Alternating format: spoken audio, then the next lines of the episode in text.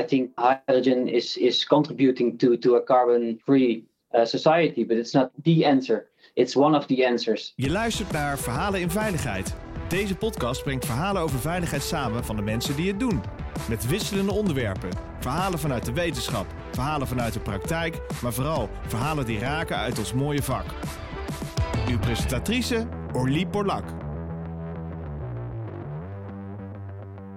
Het is weer tijd voor een mooie podcast. Deze podcast gaat in het Engels zijn, omdat we uiteraard een uh, buitenlandse spreker hebben. En de podcast gaat over waterstof en hoe belangrijk waterstof is voor de oplossing van ons energieprobleem, voor de energietransitie. Ik was daar wel benieuwd naar. Wat kunnen we verwachten voor de toekomst? Wat gaat de energietransitie doen voor ons werk, hè? onze organisaties, de spullen die we maken, de auto's die we rijden en misschien ook wel uh, voor ons huis. Dus ik dacht, ik vind het wel interessant om daar eens wat experts over te vinden. En die heb ik gevonden bij eh, bureau Veritas. En twee van de medewerkers zijn vandaag hier in de studio. Eentje is Nederlandstalig, dus uh, af en toe zullen we misschien even switchen naar het Nederlands. En de andere uh, is, is, is dat niet. So I'm going to welcome them in English. I have in the studio Roman Latsubaya, and he is technical leader hydrogen. And I have in the studio Tobias Jansen, and he's team lead technical safety. And today we are going to talk about hydrogen. Is hydrogen the solution for our energy problem? What can we expect in the near future?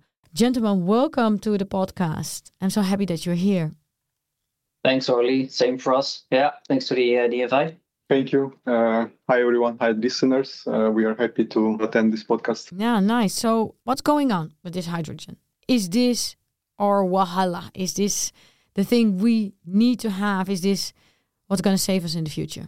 Well, there is uh, a lot of things going on right now with hydrogen, but one big issue which our society is trying to solve right now is, of course, climate change. And we are going through a process to decarbonizing our life, basically, our industry, our transport, and going towards goal of uh, society with net zero emissions. And with this process of energy transition, there are many different solutions, and one of the solutions is hydrogen, which can help us go through energy transition towards uh, carbon neutral society. And why is hydrogen such a big solution? What can it do what other materials can't? So I have no idea what it is and how it works and how it is an answer to our problems.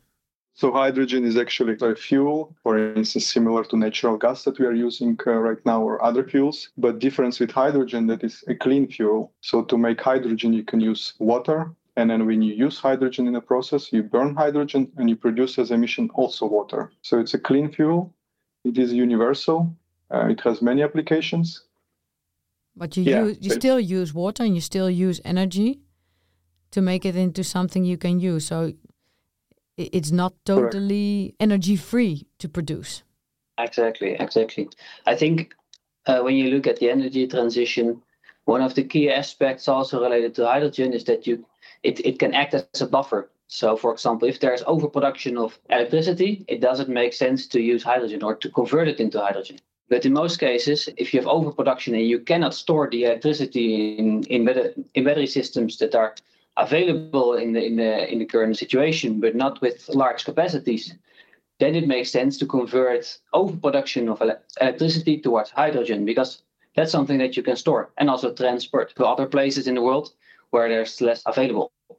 Is this the answer to all the windmill energy we cannot store? Is that is that what you're proclaiming? Yeah, partly. Partly. One one of the key aspects is is to store hydrogen. You, it's a gas. You can com- compress it, and in in places like uh, the Sahara or other places in the in the world where there's a lot of sun and wind, where it is uh, relatively cheap to generate electricity, then you either have to transport electricity towards the places where you need electricity, or you can convert it into into hydrogen, and then to uh, transport it via roads towards the location where the hydrogen can be used as an energy carrier. Are there any buts? What is the problem with hydrogen? Is it explosive? Is it dangerous? Are there any side effects? Yeah, well, hydrogen is uh, is normal normal dangerous as as other typical fuels that we use right now, but hydrogen is different. So it has different properties, different hazards, uh, which need to be need to be managed. And we already know how to work with hydrogen because hydrogen is used in industry.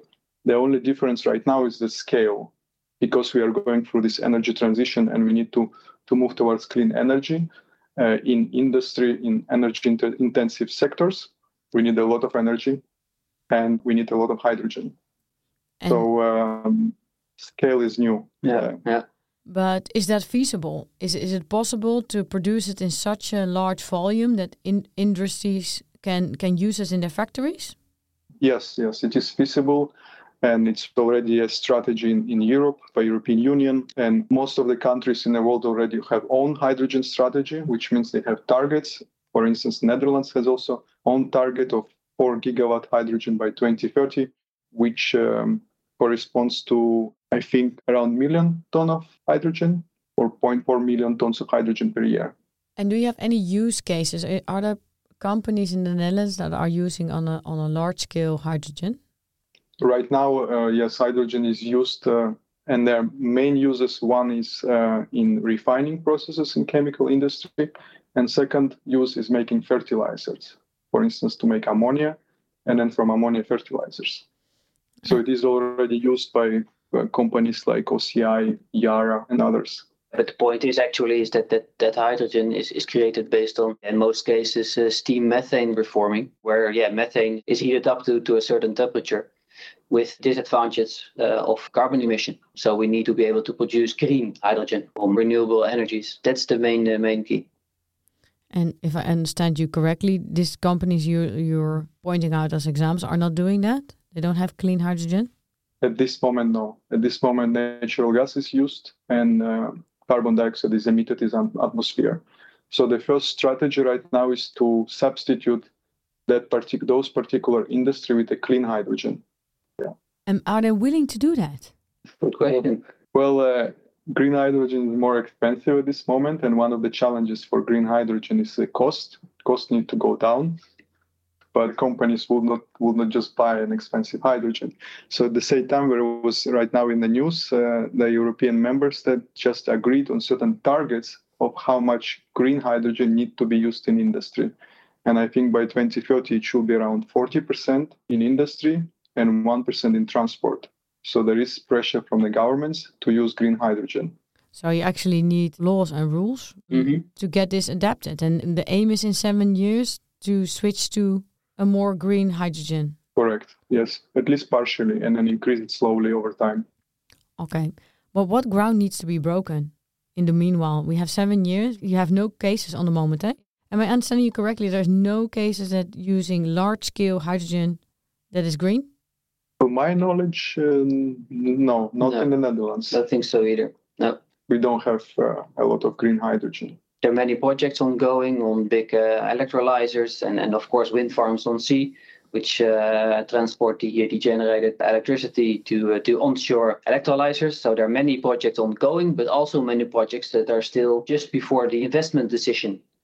So yeah, the energy transition is not uh, coming by itself. So it has to be pushed from yeah, of course, the, the agreement, the Green Deal eh, that we have in Europe, and the the Paris Agreement that we signed on a, on a global scale. So uh, it's it's something that happens uh, and and will happen to to us all, and we all have to put uh, our our efforts together. Yeah. To add to that, currently there are a lot of projects i think in design stage the production factories and um, seven years is a short time and i think only 10% right now is in design what we're supposed to have in seven years. So we still need to to build more factories. And the time is short. I think this is one of the worries that I have personally. That in a short time we need to scale up the technology from uh, almost nothing to very large production scales. Oh, you, you, you cannot even produce at this large scale yet. Uh, most of the factories in design, so we don't have factories yet. So we have small scale uh, pilot plants where we produce green hydrogen, but we don't have yet production. I think one of the first factories in Rotterdam, Shell is building a 100 megawatt factory to make green hydrogen, and a few other projects that are following, but they're still in design phase. Yeah, and, and, and even if those factories are being built and installed and, and commissioned in, in the Netherlands, the energy demand, where partly uh, comes from, from hydrogen, will be bigger than just the production capacity in our country. So we need to import it anyway from, from other countries. So that's why uh, our, our government and especially Europe is also working on a strategy where, where to import it from and to make agreements with other countries where it is, for example, relatively cheap to produce green hydrogen. But don't you think that your solution eh, for hydrogen will be outdated in seven years? Because it still sounds to me that it's not totally energy neutral to produce this energy. You still need a lot of water. Now you need a lot of transport. We need to build a lot of factories. They had this innovation in the deserts where they put all these solars together, like in a solar factory. And then if you yeah. zoom into that, it's actually not so good for the environment at all. Eh? And they need so much water to still produce energy. It's still negotiable or discussable if this is the, the cleanest solution for our climate change. Yeah, that's a good good point there. I think hydrogen is is contributing to to a carbon free uh, society, but it's not the answer. It's one of the answers. Like I also said in the beginning, if you can use electricity directly as it is uh, produced, then it doesn't make sense to to convert it.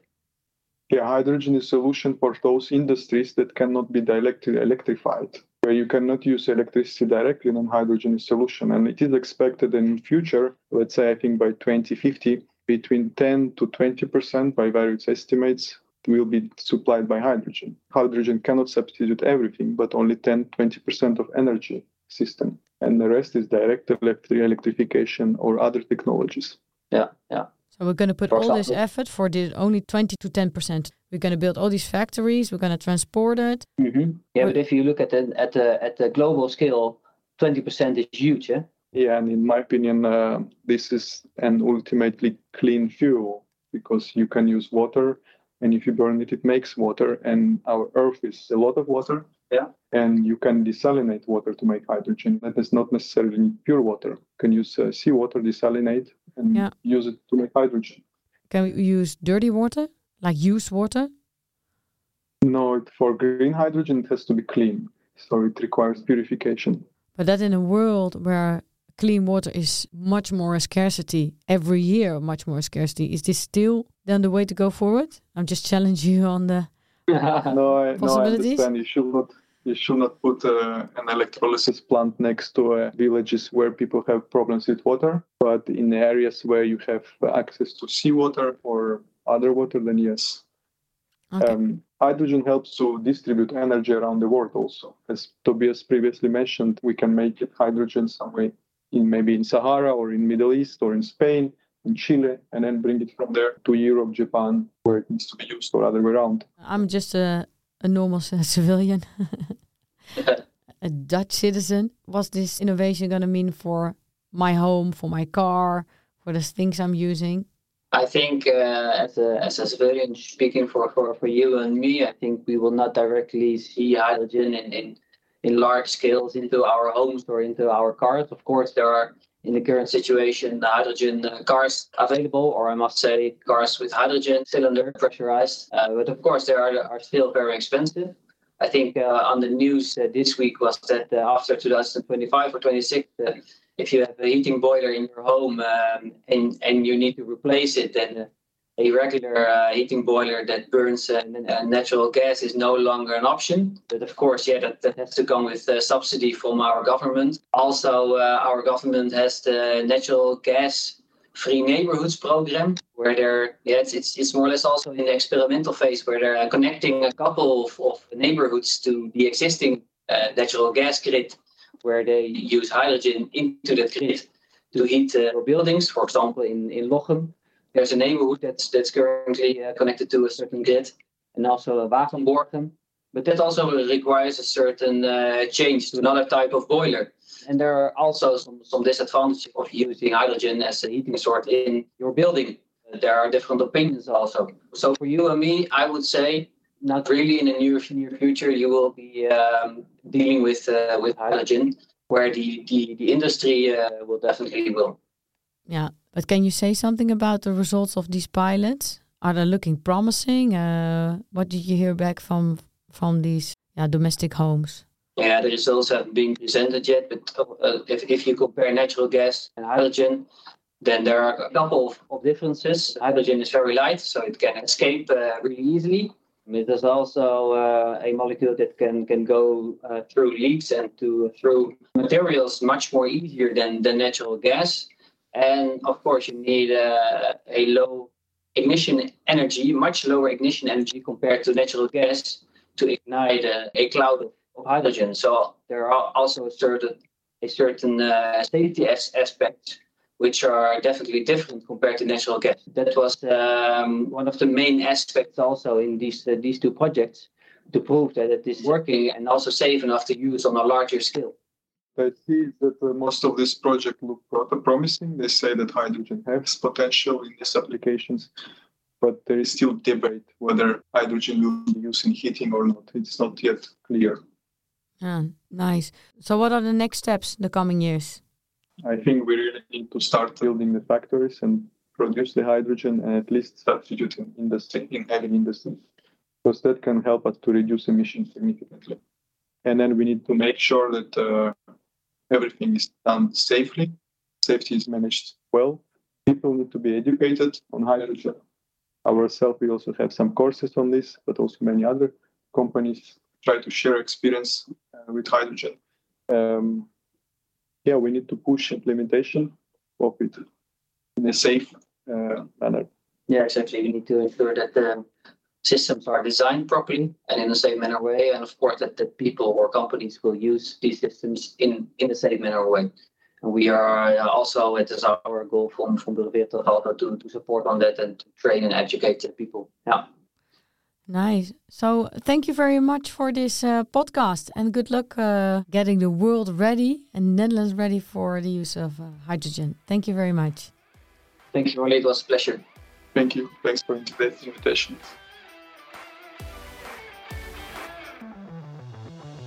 Je luisterde naar Verhalen in Veiligheid. Wil je niks missen van deze podcast? Abonneer je dan op deze podcast in je favoriete podcastplatform. Of laat een recensie achter via Apple Podcast. Dank voor het luisteren. Graag tot de volgende.